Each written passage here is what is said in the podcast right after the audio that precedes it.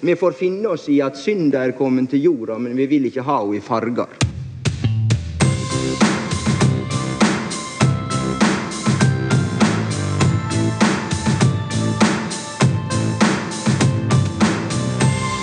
Velkommen til Einar Førdes fargefjernsyn. Vi er et uh, politisk og populærkulturelt skravlekollektiv for folk trygt plassert på venstresiden. Mitt navn er Stein Ove Lien, og over Skype denne uh, mandagen før påske sitter jeg sammen med hele gjengen. og Det er en stund siden sist. Hei, Pål Hasta Thorsen, Kari Bernardini og Tøger Torgeir Fimreite. Vi kunne ha snakket om et lass med saker, og det har vi også gjort i det lille redaksjonsmøtet vi har hatt før, vi, før, vi, før vi, gikk på. Og det har vært det har blitt opp til meg å velge ut hva vi, hva vi skal nevne. Det er jo slik at dette er, Når vi spiller inn dette, som også er mandagen før påske, så skal det snart komme en ny Senterparti-statsråd. Fordi tidligere forsvarsminister Odd Roger Enoksen har måttet gå av i vanære. Det er en sak som forteller noe om politisk kultur, om metoo-øyeblikket som vi har vært, vært, i og er i. Og også i større forteller om en regjering som virkelig ikke har lyktes med noe som helst i løpet av de første seks månedene. Jeg tror kanskje vi skal komme litt innom det. Så må vi snakke med Kari Bernardini, som ikke har vært her eh, i lengre tid, men som, som lytteren vil huske eh, nå bor i Oslo. Vi må snakke litt om hvordan, hvordan det er. Det har nettopp vært første valgomgang i eh, Frankrike. Kanskje får vi tid til å nevne det. Det er 14 dager til det endelige oppgjøret mellom eh, Macron og eh, Le Pen. Og så er det nominasjonstid i de politiske partiene i Bergen. Dette er altfor mye å snakke om. Vi får se hvordan, hvor, langt vi, hvor, langt vi, kommer. Vi kan begynne med det hyggeligste, da. Kari Barandini, kjekt å se deg igjen. Eh, hvordan eh, er det, nå er det to måneder siden sist vi snakket om hvordan det var å flytte til Oslo og få en ny jobb og alt dette her. Eh, nå har du vært der en liten stund. og Hvordan preger hovedstaden deg? Eller riktigere, hvordan preger du hovedstaden etter noen måneder østpå? Jeg, er glad du, jeg er glad du tok den andre vinklingen også på det. for det, Jeg må si at utfordringen med Oslo er at den er full av østlendinger. Eh, det er på en måte eh, det vi, det vi har å jobbe med. Du, du er jo østlending, Stein Ove, så dette skal ikke vi bruke mot deg. Men du har jo valgt å, å bli bergenser, da, som jo er en sinnstilstand som alle kan oppnå da, hvis man bare ønsker å ta de bergenske verdiene. Det er jo litt der eh, det ligger. Og det har du gjort på en utmerket måte. Men, men ellers så må jeg si at de Jeg pleier ofte å si til østlendinger at dere, dere ja, dere gjenkjenner storhet når dere ser den. Dere, det skal dere virkelig ha. Eh, det setter jeg stor pris på at de gjør. Da Da blir de ofte litt sånn Kan hun holde kjeft, hun bergenskjerringen, for dette orker vi ikke høre på lenger. Så da føler jeg litt at jeg er i gang og, og jobber meg godt eh, fremover. Ellers er jo eh, våren i ferd med å komme ikke bare til Oslo, men til de østlandske mediene. Dagens Næringsliv hadde sin årlige artikkel her forleden om 'Hvordan kler jeg meg i kabrioleten'? Uh, fulgt opp av, uh, av Vær varsom med klærne når du ruller kabrioleten ut i vår sol, som er en bona fide nyhetssak i, uh, i Dagens Næringsliv. Det sier litt om, om klientellet de, de, sikter seg inn på. Vi uten kabriolet bør nok muligens droppe abonnementet. Det kan kanskje være lurt. Så det er sikkert vårtegn, da. Så det er snart vår i Oslo, dere. Ja, Kari. Uh, dette er ikke en debatt som jeg har fulgt sånn voldsomt nøye. Ikke det der med kabrioleten, for det ville jeg ikke gjort uansett. Men uh, i Oslo-mediene så har Sofie Marhaug, som er stortingsrepresentant for, for Rødt og kommer herfra, altså fra Bergen, uh, laget eh, ravasje eh, fordi hun har sagt noe litt sånn passivt og aggressivt om eh, østlandsnaturen. Eh, forstår jeg, i et eh, intervju for en ukes tid siden. Aller først må jeg spørre deg, hvilken natur? Ja, jeg har tenkt det samme. Jeg har ennå ikke fått øye på noe natur. Hvis den er her, så er jeg fint. Jeg er glad hvis noen kan på en måte peke den ut for meg. da. For her er det flott så langt øyet rekker. Eh, kun avbrutt av noen eh, litt begredelige furutrær. Eh, de har ikke natur her borte, sånn som jeg ser det. da. Ja. De har noe som heter Marka, har jeg blitt forklart. Det er jo utenfor byen, er det ikke det? Jeg har hørt at det finnes noe som heter Marka. Eh, det skal, det skal jeg forholde meg til på et senere tidspunkt. Det, det blir ikke med det første. Eh, og det har jo masse Twitter-diskusjoner og uh, flere passiv-aggressive kommentarer i Oslo-pressen og andre steder om hvem som har minst, hvem som er mest hårsåre av bergenserne og østlendingene. Sånn som jeg leser dette, så syns jeg Sofie Marhaug kommer med en litt vittig, men ikke så veldig alvorlig kommentar om blant flere om Østlandet og østlendingene i, i intervjuet med, med, Aftenposten. Nå har de jo begynt å kjenne lokalbefolkningen. Er de så hårsåre som de gir uttrykk for? Ja, det vil jeg påstå. Altså, Østlendinger er ganske hårsåre, men de har mye å være hårsåre for, da, så det, det er jo for så vidt uh, ikke så uh, overraskende. Uh, at vi bergensere ikke er spesielt hårsåre, det, det, sånn er det jo bare når man Ja. som dere hører, er jeg i ferd med å bli en slags parodibergenser. Det er noe jeg jobber kraftig med her borte. jeg snakket med en kollega som også er bergenser, og jeg sier hvordan er det egentlig å være bergenser i utlendighet? Og da sa han nei, det er jo stort sett det eneste du tenker på, for det er jo første folk spør deg om. Er du bergenser? Vi må snakke om det. Så ja. Mye av tiden min handler om å være bergenser. Og det er fint, da. Som alltid, for så vidt. Men uh, du må, du må få, få, si noe pent om Oslo også. Nå har du ikke sagt noe sånn eksplisitt negativt om selve byen, bare om liksom, tonen og folkene og alt det der. jeg kan få det inntrykk i sosiale medier og annet sted at du faktisk trives ganske godt uh, i, uh, i, hovedstaden.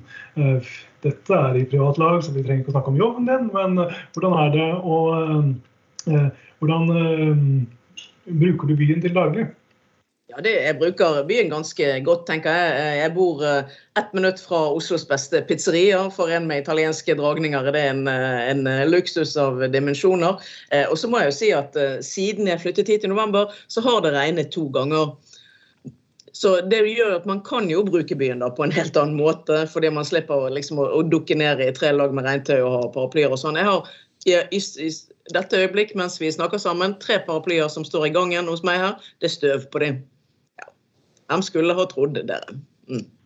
Det er jo en uh, hyggelig bieffekt. om ikke annet. Jeg kan melde om at Nå kan ikke jeg bruke paraplyer daglig, men den, den, har vært i heftig bruk som vanlig i Bergen denne uh, våren, tror jeg de kaller det. Uh, nok om Oslo-opphold. det er nominasjonstid i, i, i partiene i, i bergenspolitikken. Og det er jo alltid mest spennende og gøy når det ikke gjelder det partiet man selv er en del av. For da er eh, nominasjoner ofte, uh, ofte slitsomme. Uh, Bergen Høyre har, har i gang nominasjonene sine nå, og det er flere kandidater som ønsker å bli byrådsleder. Fortell gjerne bare litt om det først. Altså, eh, nå må jeg først få lov til å starte Stenore, med å si at jeg er skuffet over at ikke du la meg eh, få anledningen til å svi av noe nord om Oslo. Eh, jeg har faktisk vært på befaring i Oslo eh, forrige helg eh, og kom hjem igjen med omgangssyken, sånn at alt taler for hva jeg synes om den byen. Men jeg, jeg gikk en tur opp på operahustaket for å på en måte prøve å få litt utsikt, og det, og det, var, det var, et fint tak. Altså det, det må jeg si. Eh, og jeg sto på operahustaket, så på en måte kunne jeg da se rett opp på uh, dette Munch-kjøpesenteret. Og, det var på en måte et stort, stygt uh, fjell.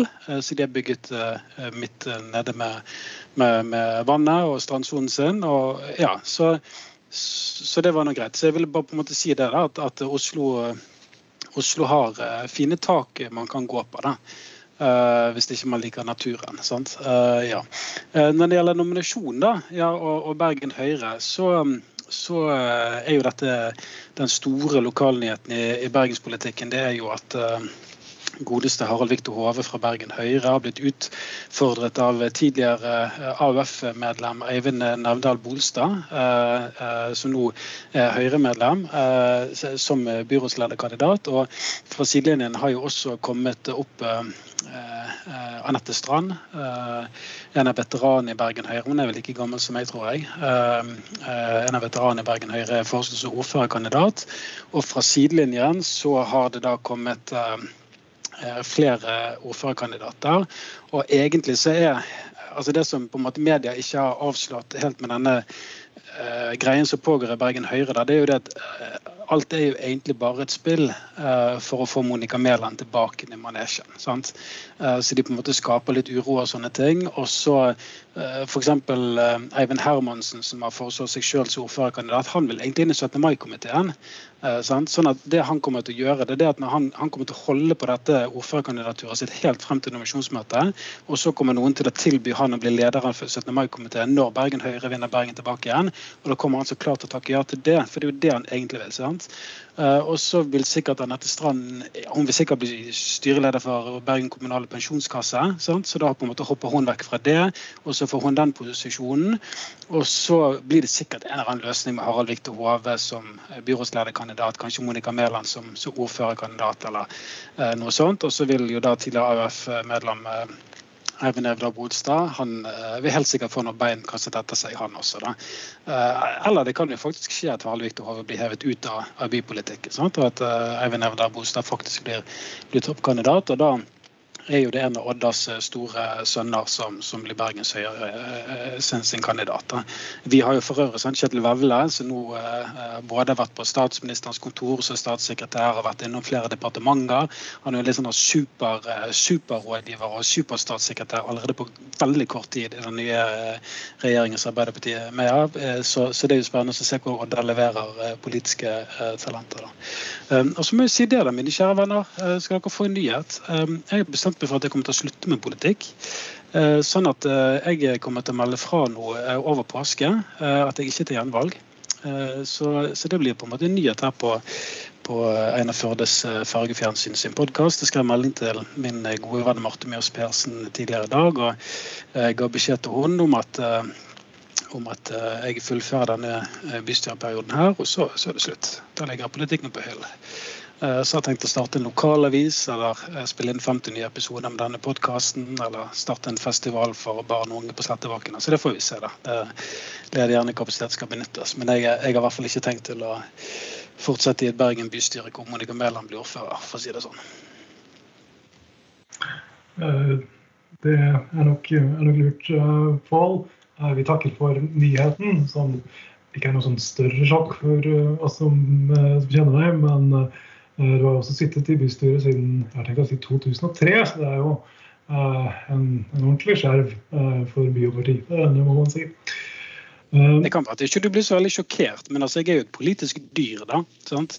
Jeg er jo veldig opptatt av politikk, men jeg bare ser at det ikke det er ikke noe jeg har lyst til å fortsette med de neste 20 årene. i hvert fall. Så jeg er nødt til bare å ha en liten traumat fra, fra, politikken en stund.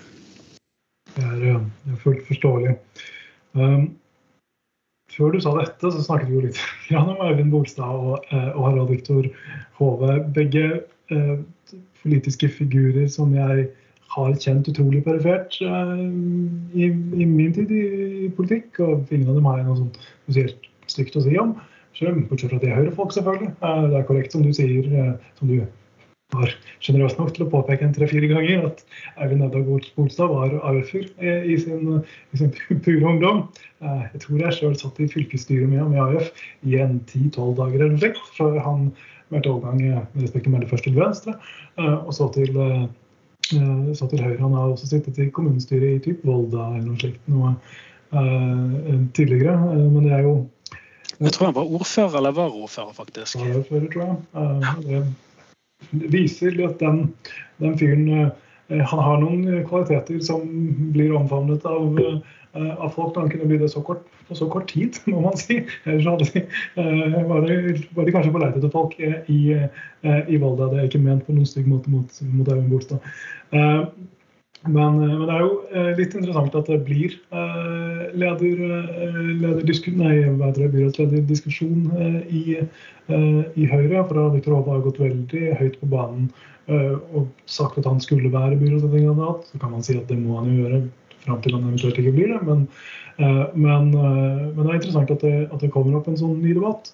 Spesielt sjokkerende er det jo ikke, for det var et parti som fikk et usedvanlig dårlig valg for, for, forrige gang. Så det kan man jo si, men det, er, det blir interessant, interessant å følge. Torgeir Fimreite, har du noe å si om dette? Jeg antar nei, men nå har du ordet likevel. Nei, nei jeg, har, jeg, jeg har ikke fulgt med. Jeg bryr meg ikke. Enkelt og greit. Men, men jeg, jeg, kan forstå Men ja. Trist at du skal, skal, ikke lenger vil være politisk aktiv. Eller at du ikke skal være politisk aktiv, Pål. Dette syns jeg faktisk er litt trist. Jeg, syns det du har gjort en, en god innsats. Så det, det, det Ja. Ble litt lei meg, men det, det, jeg, jeg kom over det. Jeg må jo si Det sånn, at det er ikke lett å ta en beslutning. Jeg føler jo at det svikter barn og unge i Bergen som hadde trengt at jeg sto på uh, for det feltet som jeg har brent for i 20 år. da. Uh, men det er jo et eller annet med at når du står i det så lenge, så er det Altså det er jo det er på en måte, Du gir jo avkall på noe annet. da. Om det er på en måte studier eller jobb eller egen helse eller andre ting, så er det noen andre som hele tiden må betale prisen for det engasjementet. da. Og så er det jo litt sånn at, at uh, Fordi jeg er brennende politisk opptatt, og den politiske flammen kommer ikke til å slukne inn i meg i det hele tatt. Uh, men jeg, jeg, klarer liksom ikke å finne meg til rette i det politiske systemet i Bergen akkurat nå lenger, skjønner jeg. Uh, og da tenker jeg at Hvis ikke du på en måte har den sulten i magen og den viljen til å sitte i bystyret i Bergen, så skal du heller ikke ta en plass som, som posisjon. Da. Så jeg har alltid ganske harde samtaler med meg sjøl hvert eh, fjerde år.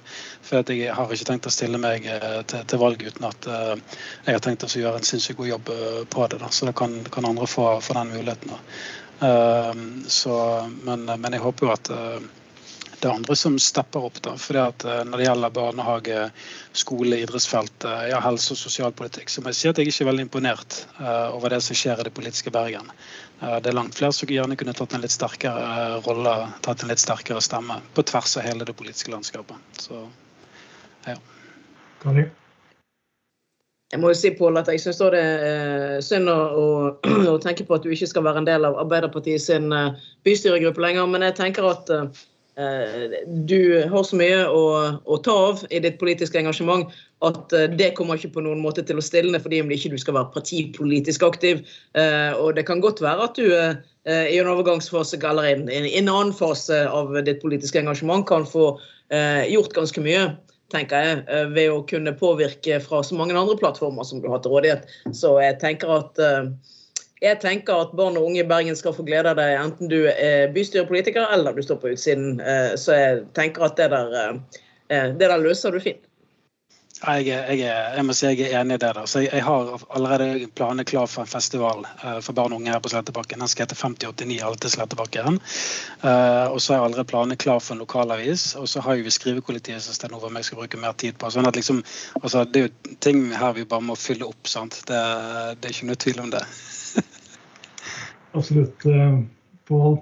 Uh, nå kidnappet jo fullstendig podkasten, da, Pål. Dette var det ingen som sa til uh, oss før, før, vi, før, vi, begynte, men jeg må jo si i fullt alvor som jeg klarer, at vi har kjent hverandre i 20 år.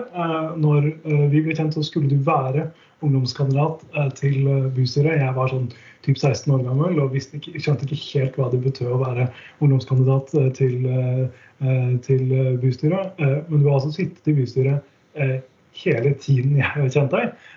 Og det i seg sjøl syns jeg er, veldig imponerende. Jeg syns du har vært en veldig dyktig og tydelig politiker, og en sektorpolitiker som det finnes, det finnes for få sektorpolitikere av denne typen som holder fast i det samme feltet over eh, lengre tid. Skal det også si selvfølgelig at du også har fått lov i lengre tid til å holde fast i eh, det feltet. Eh, det har eh, Arbeiderpartiet hatt godt av, det har også eh, Bergen bystyre hatt godt av. og også Barn og unge i Bergen eh, tror jeg har nytt godt av det. Så jeg, jeg syns du har vært en ypperlig lokalpolitiker gjennom en lang lang periode for byen, partiet og for, og for befolkningen. Men det skal jo sies da, at planen var jo å slå Henry Hornes sin rekord med det var vel var det 32 år han hadde i bystyret, eller 34 år, det husker jeg ikke helt. Og Arne Næss, tidligere KrF-ordfører, hadde jo også like mange, eller nesten like mange damer. Han fikk blindtarmbetennelse, sånn at Henry satt ett år lenger i bystyret enn han. da. Han var alltid veldig bitter for det. da. Eh, så det kan være at jeg blir nødt til å gjøre comeback. da. Men nå er det viktig at vi ikke sporer av. Vi må jo snakke om Bergen Høyre og eh, AUF-en Eivind Hedda Bolstad. Eh, og det må jeg si da, at det kommer til å bli en katastrofe for Bergen hvis Bergen Høyre overtar byen igjen. sånn at Vi må for guds skyld forebygge at det ikke skjer. Og så håper vi det, Kari, at vi, for, for det, det, er noe av det jeg har tenkt å bruke tid på. Det å bruke mer tid på fagbevegelsen. så jeg har begynt å aktivisere meg mer i handel og kontor og sånne ting. For det, det kjenner jeg at jeg brenner mye for. Og noe av det jeg har tenkt, for, tenkt på, Kari, det er at eh, nå er det på tide at vi eh, samler venstresiden i en sterk allianse inn mot neste lokalvalg. Eh, og så at vi får gjort noen endringer eh, i, i, det som blir neste byrådskonstellasjon. Eh, og at vi får SV inn i byråd, og at vi får på en måte en, eh, ja, en tydelig venstredreining på en del av, av sakene. Da. Jeg er drittlei av at Miljøpartiet De Grønne sitter og innkasserer små og store seire i byutviklingspolitikken som Arbeiderpartiet og Annalisa Tryti og andre egentlig har jobbet frem eh, gjennom årenes løp. Eh, og jeg er drittlei av å se eh, at Venstre sitter og driver med den der håpløse liberale markeringspolitikken sin. Altså det, Nå er det faen meg på tide at vi drar det mot venstre, Kari. Jeg kunne knapt ha vært eh, mer enig i det at eh, jeg mener også at SV skulle vært eh, inne i byrådet. Jeg skulle veldig gjerne sett de i byrådet, jeg skulle gjerne sett i regjering. Jeg skulle gjerne ha sett de både lokalt og nasjonalt for å bygge en, en mer slagkraftig venstreside. Der er så mye vi kan få gjort hvis vi står sammen som en sterk venstreside. Og fagbevegelsen har en rolle å spille i det. Så jeg må si at Paul, hvis du har tenkt å engasjere deg sterkere i fagbevegelsen, så heier jeg kraftig på det. Og der gudene skal vite at det er bruk for deg. Eh, så der, eh, du har masse rom å gå i, i, i fagbevegelsen i Bergen. Det er jeg helt overbevist om. Eh, ja det der er en gjensidig, kommer til å bli et gjensidig suksessprosjekt, tenker jeg, hvis du går inn og engasjerer deg der. Dette heier jeg voldsomt på. på. Super. Um, jeg har helt mistet uh, tonen i hva som var planen med denne podkasten. Men la oss, uh, la oss si da, at vi nå legger uh, eventuelle andre ting jeg har sagt ved inngangen til denne episoden eh, vekk. Og så snakker vi heller litt om, um, om høyresiden i Europa. For det er altså mandag den 11. april når vi spiller inn dette. Søndag så var det første valgomgang i Frankrike, som endte med at sittende president Emmanuel Macron kommer til andre valgrunde som forventet. Eh, der skal han som sist møte Marine Le Pen, som er en ytterliggående høyrepolitiker som han også møtte ved presidentvalget eh, forrige, eh, forrige gang. Andre tendenser finnes at de to tradisjonelt etablerte partiene i, i Frankrike, republikanerne, som er det konservative partiet, og sosialdemokratene, har fullstendig forsvunnet fra eh, overflaten. Det skjedde for Sosialdemokratene ved forrige gang. De har mistet ytterligere to tredjedeler av oppslutningen sin og er nå nede på rundt 2 eh, i, i, i første, første, valgomgang, mens republikanerne har smeltet ned til om lag 5% eller noe slikt. I tillegg da, til at eh, ytre høyre utover Le Pen og så har hatt flere andre kandidater som har fått oppslutning.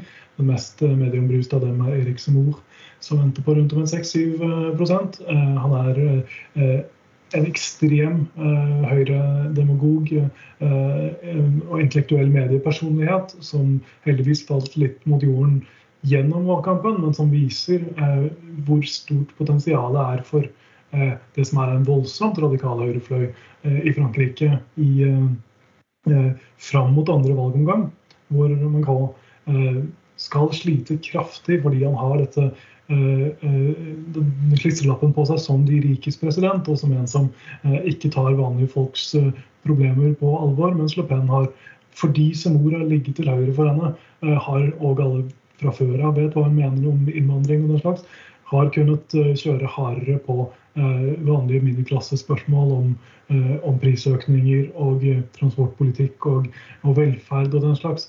Og når man da heller ikke har de etablerte partiene til å gjøre motspill, så eh, har det fått Macron i store problemer. Det er en ekstremt alvorlig eh, situasjon som kan ende med å gå fryktelig galt om 14 dager.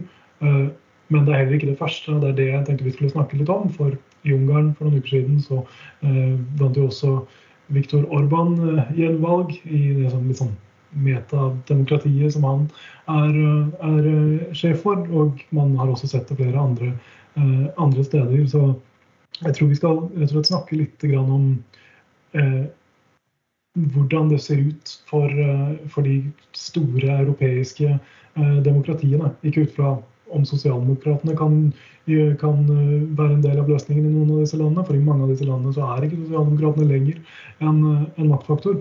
Men eh, hvordan man kan klare å stoppe ytre, stormløpet mot ytre høyre. F.eks. i et så stort og tradisjonelt viktig land som, som Frankrike. Jeg har ikke bestemt hvem jeg skal gi ordet til. Ingen sier at de vil ha ordet. Så eh, Kari Barandini, vær så god. Takk. Det, som, eh, det, er mye som er forstemmende med, fremmarsjen til ytre høyre over Europa. Men eh, vi står jo i en situasjon hvor, vi, hvor, Europa er i krig mot ytre høyre fysisk eh, i Ukraina. Og, og, da må jeg si at det er enda mer skremmende at franskmennene velger i så stor grad ytre høyre. Eh, når du på en måte har fått ettertrykkelig bevist hva, eh, hva ekstrempolitikk gjør med Russland, eh, og hvilken situasjon det setter i Europa i. Og Likevel så går de og stemmer på, på en ytre høyre-fascist, som hun jo unektelig er. Jeg så forresten i parentes at hun hadde, hun hadde champagne med navnet sitt på, da, som het President Martin. Eh, eller hva søren hun heter, hvordan du uttaler navnet hennes på fransk. Eh, og jeg tenkte det bare i Frankrike, at du kan være eh, forkjemper for de som har dårlig råd og samtidig har champagneflasker med navnet ditt på. Jeg vet ikke. Det, ja, jeg tror ikke, vi, tror ikke, vi, skal ha champagneflasker med Jonas Gahr Støre for statsminister på, f.eks. Det hadde backfired forferdelig stygt. Men det er ekstremt skremmende sett i lys av hva som skjer i Russland, at, at høyreekstremismen fortsatt er så kraftig på fremmarsj i Europa. Absolutt. Og eh, hun nevnte Le Pen og hennes jo konkrete sånn eh, eh, forhold til Putin er jo at hun måtte eh, makulere tusenvis av, eh, av valgbrosjyrer ved valgkampens start, fordi hun jo eh, helt bevisst har liksom ønsket å, å, å, vise hvor tett hun var på Putin og, sånn, eh, og det politiske prosjektet. slik at Det fantes jo bilder av henne med Putin på valgplakatene eller på valgbrosjyrene hennes som hun ikke kunne bruke lenger fordi det plutselig ble krig. Og Da sa hun jo plutselig det som man må si i disse situasjonene. Men både hun og uh, Semor og Salvini i Italia og en rekke andre av disse sånn, ytre høyre-figurene som har hatt som har hatt medvind gjennom de siste årene, eh, har jo blitt eh, satt litt på plass av, av utviklingen mellom, mellom, Ukraina og Russland. Men 14 dager, tre uker senere så går hun altså komfortabelt ja, Komfortabelt var det ikke, for det ble, bred jevnt om tredjeplassen, men gikk altså videre som forventet eh, til den andre, andre valgomgangen, og det er, det er skummelt. Tørgen, har du noe, noen analyser å, å, dele om framgangen til ytre høyre i Europa? Ja, nei, Den er jo veldig lik den som Kari kommer med. Vi, uh, så hvor, mange på tygga må vi få før vi forstår at uh, dette er altså, og Jeg tenker òg at vi ikke skal, skal, slå så veldig hardt på brystet. Vi har jo et ganske stort ytre høyre her, representert i type Frp som, som sitter ved, ved makta. Så, så, jeg tenker jo at det er litt sånn stein i glasshus òg, hvis, hvis, vi skal, skal se, se, på det. Vi var jo relativt tidlig ute i Europa for å omfavne ytre høyre-bevegelsen. Uh, så, så det, det, er jo uh, Så kan vi òg nevne Polen som et, et annet grelt eksempel. Sant?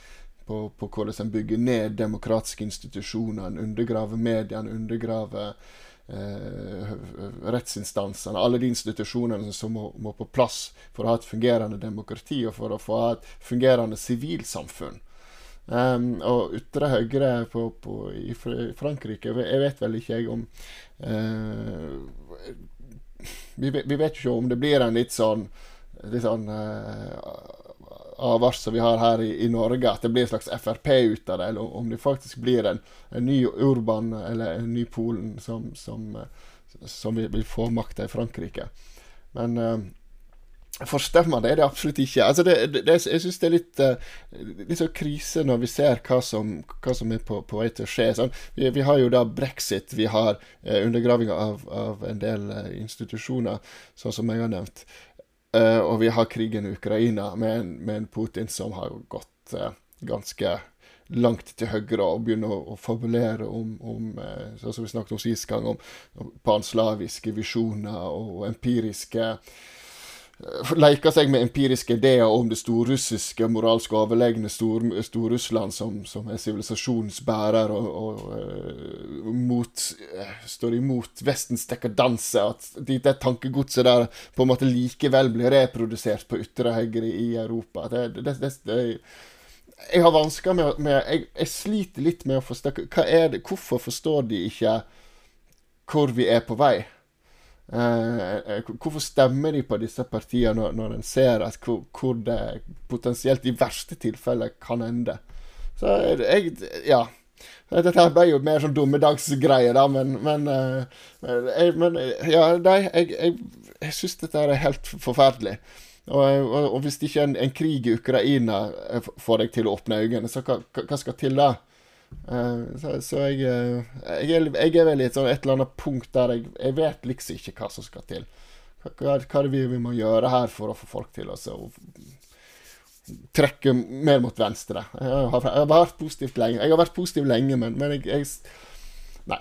Ja, nei, jeg håper kanskje noen andre her kan være, ta, ta den positive fakkelen og, og ja.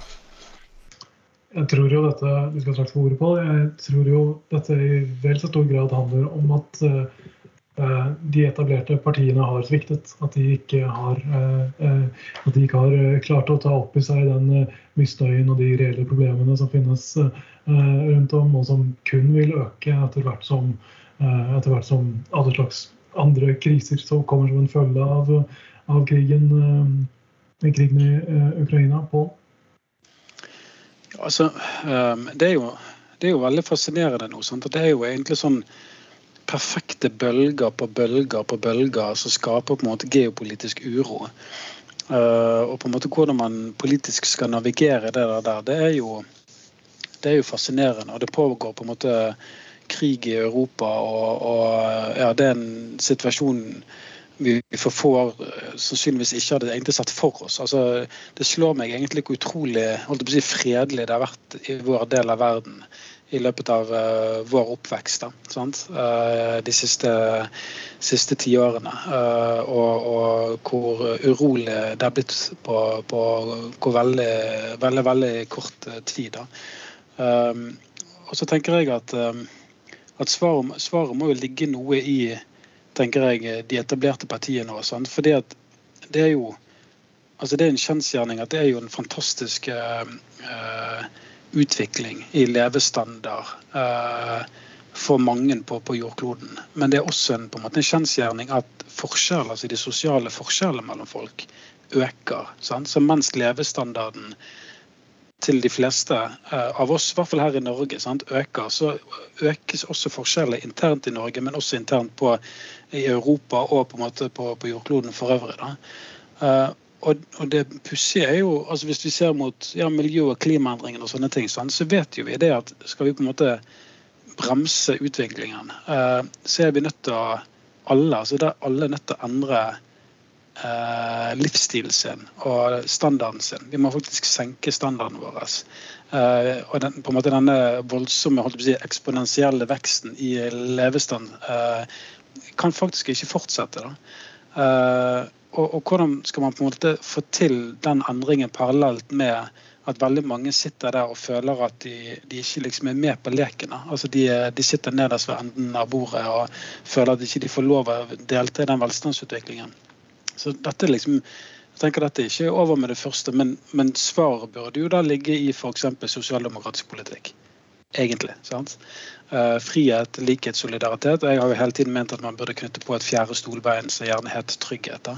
Og kanskje enda mer nå uh, i en tid med, med, politisk uro på jordkloden og sånne ting. Men, men også fordi at, at, vi vet at vi har globale megatrender òg, f.eks. Som utfordrer arbeidslivet, som utfordrer uh, hverdagen til folk på, på, en helt annen måte. Som skaper usikkerhet. og i hele det bildet der så må jo de etablerte partiene evne å og, og, skape en politikk som svarer på folks uro. Uh, og ja, på en måte så, så uh, har på en måte Putin klart noe fint. Da, og det er jo at han har klart å få uh, mange i Europa til å liksom samle seg i en slags felles kraft. da. og På et tidspunkt så tror jeg nesten alle var EU-medlemmer etter hvert, men, men så begynner man jo heldigvis å ja, Eh, roe seg litt på det. da. Men, men så, så, Det er på en måte fint, og man ser at EU også fungerer som en organisasjon som plutselig ikke er så byråkratisk og tung og jævlig som, som man fryktet, men at de på en måte klarer å, å snuse litt raskere rundt. Så, så, det er på en måte noen positive tegn uh, der. da. Men um, nei, det er en fascinerende tid vi, vi plutselig lever i, folkens. Absolutt. Og jeg skal bare kort påpeke at um det, er jo en av de potensielle katastrofene hvis Le Pen blir valgt som ny president i Frankrike, er jo hva det gjør med EU. For ja, får vi en helt ny virkelighet hvor en av de virkelige supermaktene er ledet av et parti som er imot hele prosjektet.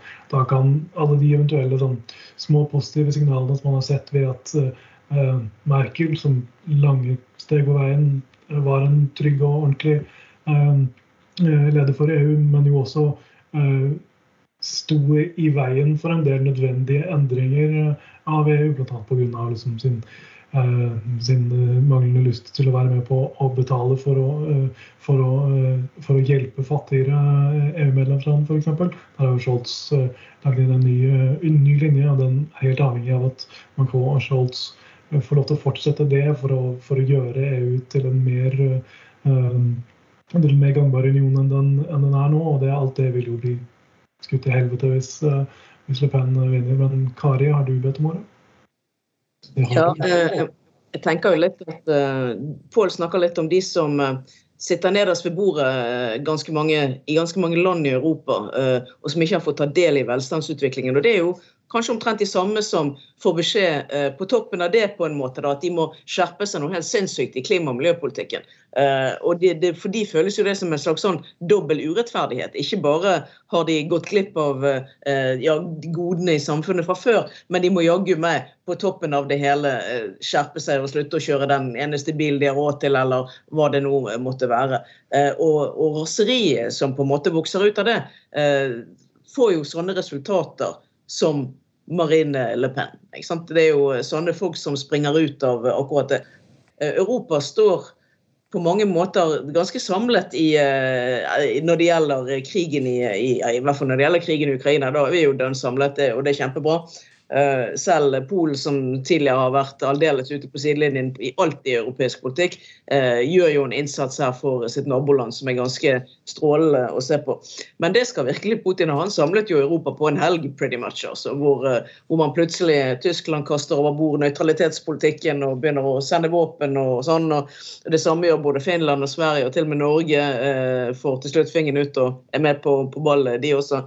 Eh, og til og med SV har jo skiftet mening, så eh, Putin har, eh, har jo utrettet ganske mye helt kontraproduktivt for det han hadde lyst til å utrette. da. Men ja, nå øker han jo antagelig nærgrensen til Nato, Han vil jo ha Nato lenger unna seg. Nå kommer jo Finland ser det ut til å søke medlemskap, så da øker han jo grensen mot Nato med 150% ca. Så ja, jeg vet, ikke, jeg vet, ikke, hvor lurt dette var, da, men, men ja vi får se hvordan det slår ut for den sosiale uroen i Europa. Eh, jeg har jo et håp om at eh, Macron skal klare å ro dette i land. Eh, jeg, det er jo ofte sånn at I første omgang så blir det litt protest, og i andre omgang når man skjønner hva man virkelig står overfor, så stiller man, så lukker man rekkene litt bak den seriøse kandidaten. Jeg håper i hvert fall det. Jeg krysser fingrene for at det er tilfellet. Det tror jeg vi gjør alle alle sammen. Ehm, den andre valgomgangen er altså om 14 eh, dager. Vi vet ingenting. Eh, eh, men vi håper vi kan komme tilbake og, og feire, eventuelt kritisk vurdere hva som bør skje i Macrons andre presidentperiode dersom han får den om en, om en liten stund. Da har vi allerede holdt på så lenge at jeg tror vi bare må gå Klokken er også blitt sent, så jeg tror vi skal gå til uh, anbefalingene våre. Det er uh, påskeuke, og vi har uh, behov for adspredelse som, som vanlig. Tøger Fimreite, hva, hva bringer du til bordet i dag? Ja, nei I dag så tenkte jeg jeg skulle være veldig lite original. Eh, dette her er, en serie. Uh, og en, den har gått sin seiersgang nå jeg er vel, Det er 12-13 sesonger. Uh, og den det, er som evighetsmaskin. Det, det er som, uh, som, Home and Away, bare at det er jækla mye kulere. Det har nemlig zombier i seg. Eh, og uh, hvis du kjenner til Home and Away, det er jo sånn evighetsserie, det òg, bare at det er drama, det er masse klister. Men hvis du derimot liker zombier og blod og splattere, så er det, er The Walking Dead som er, er, er å anbefale. Og det, du, kan, du, kan, se den eh, Det er flerfoldig mange timer med, med, innhold der, hvis ikke du allerede har, har, har sett den.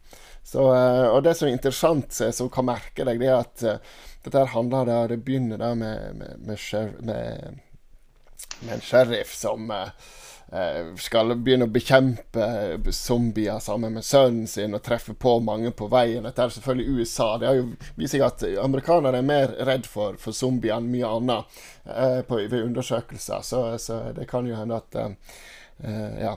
Vi bør ikke gå, gå ned den veien. Uh, nei, i hvert fall. Så uh, Det som er verdt å merke seg, er at hver gang de, de her hovedpersonene våre treffer på andre sivilisasjoner eller andre settlements i denne ødemarka der de går og dreper zombier, så utsletter de de og overtar, og så ødelegger de den, og så flytter de seg over til neste. Og alt sammen gjør de der med en sånn moralsk overlegenhet. Så dette er helt, det, det er helt fantastisk. Eh, og det er mye action. Og så prøver de liksom å Det er en sånn, sånn krysning mellom, eh, mellom eh, redneck-kultur og, eh, og, og, og, veldig sånn liberale verdier. Så det er liksom eh, De går rundt og snakker sånn med, med skikkelig sånn eh, sørstatsdialekt og går med cowboyhatter og, og, og, viser de her sørstatsidealer. Og samtidig som de er, de er veldig glad i, i, i, de her liberale verdiene med, med, med både folk med, med, utviklingshemminger med, og homoseksuelle med. og det, det, de, som, de, de, bare musjer alt sammen i en sånn herlig sånn ball av, av, av eh, noe merkelig noe mens de dreper zombier. Så dette her er, er, er, det, er, det er kjempekos. Eh, masse gladvold og masse, masse sprø ting og masse inkonsekvenser. Det er ingenting som henger sammen. Men fy herlig for en deilig, deilig serie det der er. Så eh, Walking Dead, eh, det står ikke feil. Hva sesong har du kommet til, Torgeir?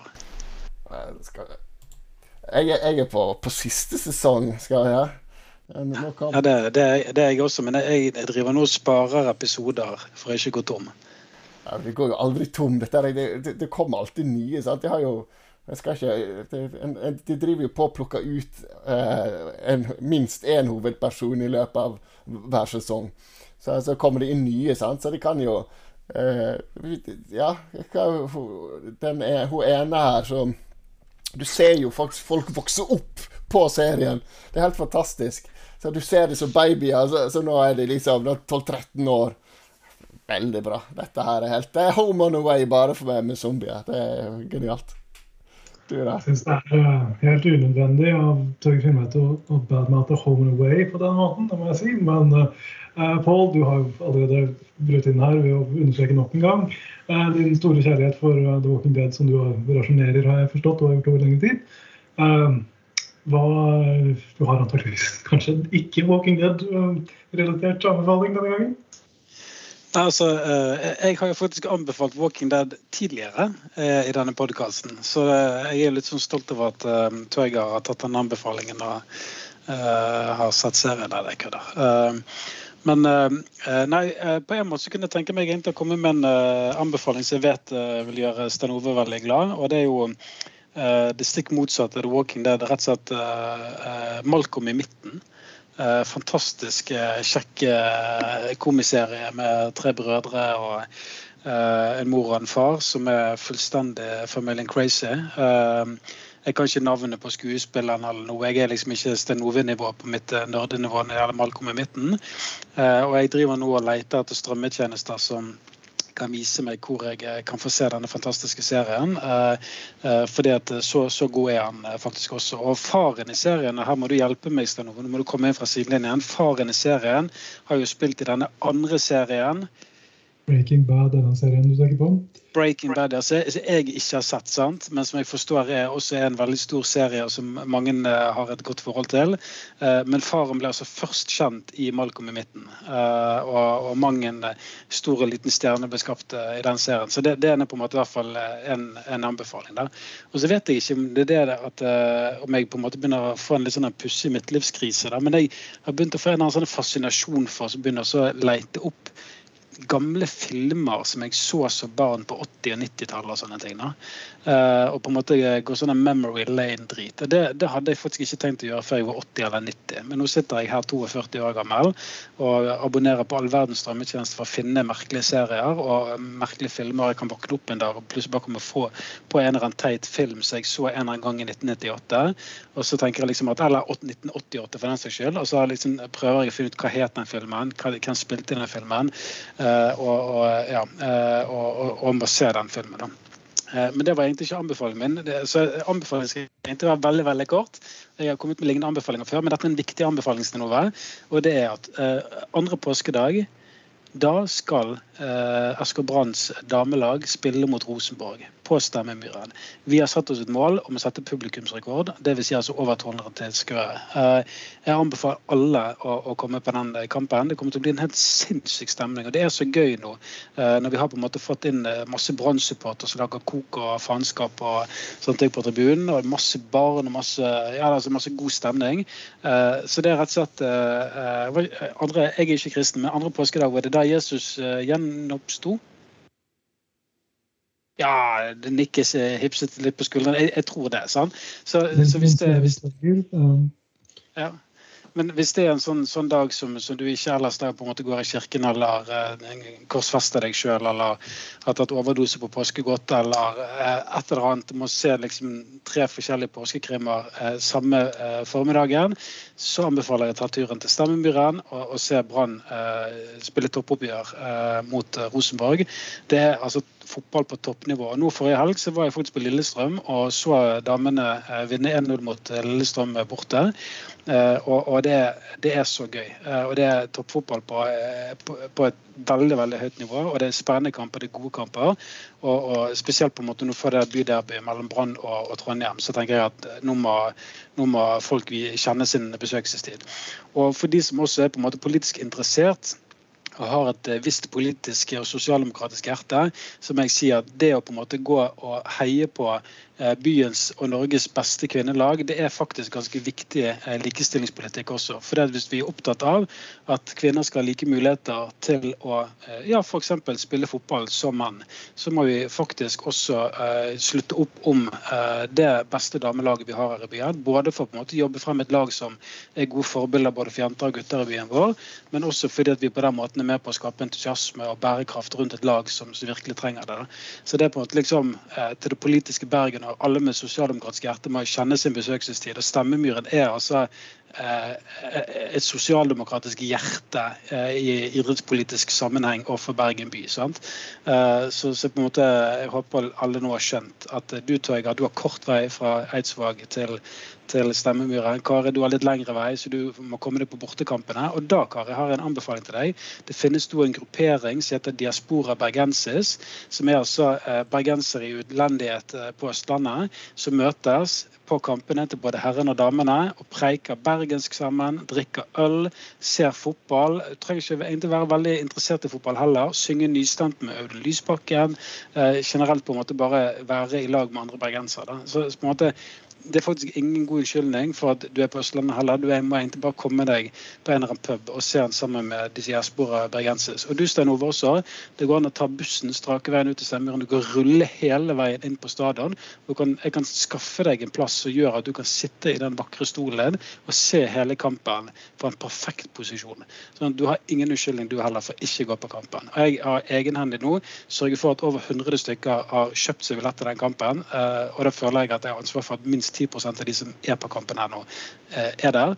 Eh, og så bare oppfordrer jeg alle andre eh, om å ta turen også. Det ble en litt lengre anbefaling. Jeg sa den skulle være kort, men det var litt sånn engasjert, tenker jeg. sant? Det er svært uproblematisk å skrive under på alt du, alt du sa. Jeg skal komme tilbake til noe annet du sa, som før dette som hadde med, med Brann å gjøre. Etter at Kari har gitt sin anbefaling. Vær så god. Takk for det, Stein Ove. Jeg kjenner at jeg må begynne med å oppsummere litt av det Pål sa. Her var det mye bra å ta fatt i. Eh, jeg er selvsagt medlem av eh, Diaspora Bergensis. Jeg tror jeg hadde bodd her i, i jeg vet ikke, timer før noen meldte meg inn i, i, i den. Der er det mye god fotballinformasjon, masse god fotballhumor, en del god humor generelt, faktisk. Og det er jo ja, det er et sted man kan føle seg hjemme i en litt, litt fremmedgjorte verden på Østlandet noen ganger. Så det er helt aldeles strålende. Eh, så må jeg jo si at eh, Jesus eh, sto opp fra de døde første påskedag. da. Så ikke det at jeg skal brife med mine bibelhistoriekunnskaper, fordi de er det, tro meg, ganske langt mellom. Men akkurat det har jeg fått med meg. Som en liten fun fact kan det jo nevnes at de slår av Der, der brenner et rødt lys i alle katolske kirker. En sånn liten rød lampe. Og den slukker de på, på langfredag, og så tenner de den igjen på første, eh, på første, påskedag. For å markere at eh, Jesus has left the building for en, eh, for en liten periode. Så det var nå det. Og Når det gjelder Brann Rosenborg, så må jeg si at det er jo godt at noen Brann-lag faktisk kan spille mot Rosenborg i år. Det er jo et, et, ja, et eliteserielag vi ikke har i øyeblikket, som overhodet ikke engang kan møte dem, så jeg heier voldsomt på det. Jeg har alle planer om å gå på bortekamper og se Brann sine damer spille. Det var det. Da har vi en anbefaling i, i, enden, av, i enden, av, dette. Jeg eh, tror jeg nevnte i begynnelsen at jeg er i ferd med å bli en slags ekstrem bergenser. Eh, jeg kommer til å bli eh, rett og slett det mest bergenske som finnes utenfor, utenfor Bergen. Det er nesten uunngåelig, kjenner jeg. Og dermed så er det en podkast som er helt fantastisk. Den ligger på Spotify, og den heter 'Noe for seg sjøl'. Eh, jeg lurer på om det er Bergens Tidende som har laget den, eh, men jeg mener den fremdeles ligger på Spotify. Eh, og der er strålende episoder om bergenserne. F.eks. så har de en fantastisk gjennom jernbanestasjonen i Bergen, som Bane Nor for noen år siden, ikke så lenge siden, 2018-2019, fant ut at de skulle døpe om til Bergen stasjon. Og hang opp et skikkelig bugly skilt på siden av, av jernbanestasjonen. Og det ble et sånt helsikespråk. Det er intervjuet rasende mennesker på gaten. Eh, befolkningen gikk nesten mann og kvinne huset for, med høygafler og bål i gatene, liksom. Og det endte jo med at uh, ordfører Marte Mjøs Persen og hele bystyret Pål, så dette regner jeg med du var med på, uh, leverte en, en, interpellasjon, eller hva det nå ble, til Bane Nor og sa få ned det pokkers skiltet. Hvorpå de selvfølgelig måtte plukke ned dette skiltet. Uh, og uh, det hører til i historien at en tid etterpå så kom Sarpsborg og sa at ja, vi vil gjerne også bli kvitt dette skiltet. Og da sa Bane Nor nei, det er helt uaktuelt. Ja, men Bergen? Nei, sa de. Bergen er spesiell. Ja. Og det har de jo rett i på alle mulige måter.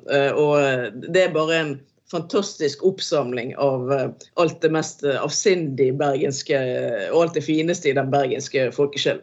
Sterkt anbefalt. Noe for seg sjøl. Du finner den på Spotify. Tusen takk, Kari.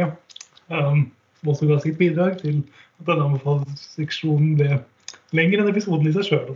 Um, når det er sagt, Pål um, Malcolm in the Middle um, har jo vi snakket om i 20 år. Et, et absolutt unikum av en faktisk en nettverkskomieserie eh, som jo gjorde Cranston kjent før Breaking Bad.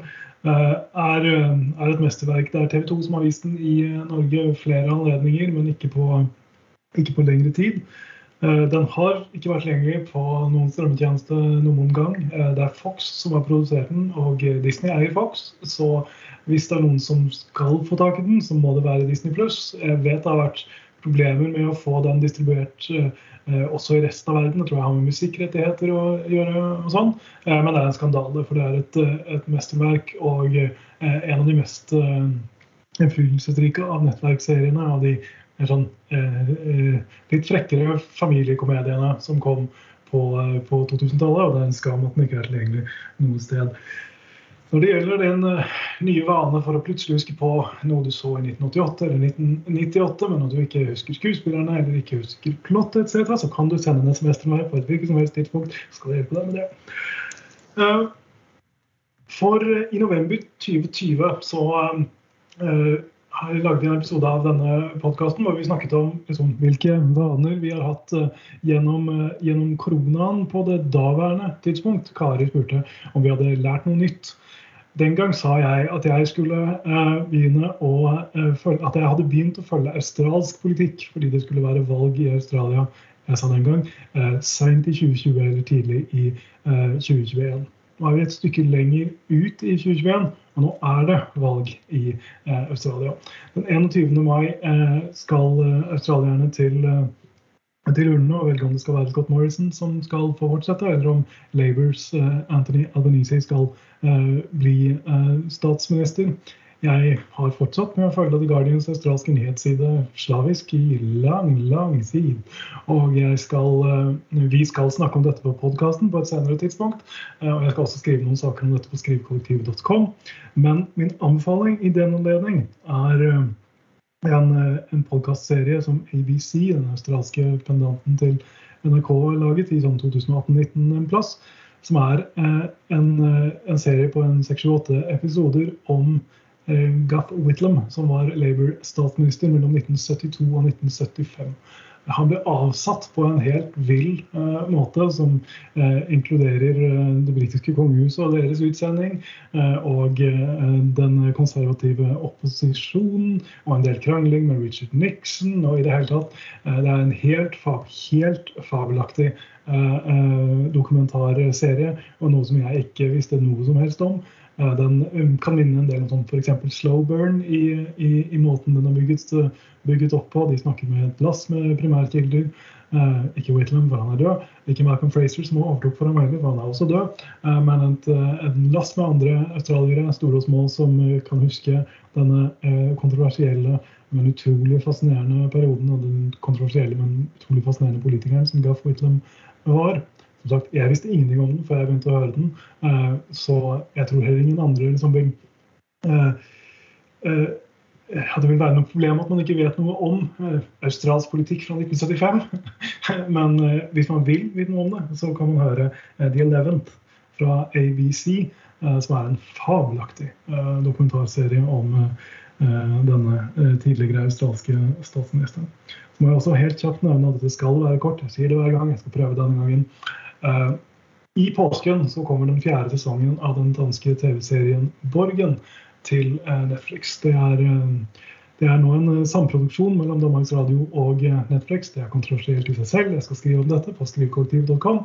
Jeg har sett den fjerde sesongen, for den har vært vist på TV i Danmark. Jeg skal skrive om det også på skrivkollektiv.com fremover. Men jeg kan uansett anbefale den fjerde sesongen.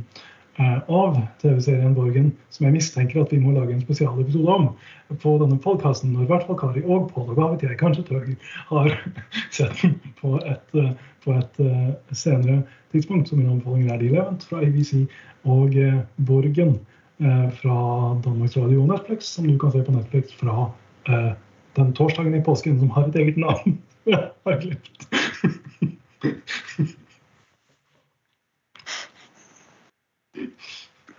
Dere vet hvilken det er snakk om. Nå vel.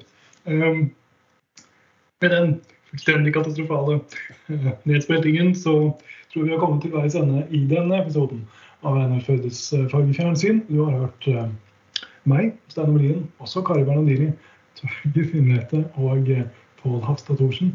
god påske, alle sammen. Vi høres snart.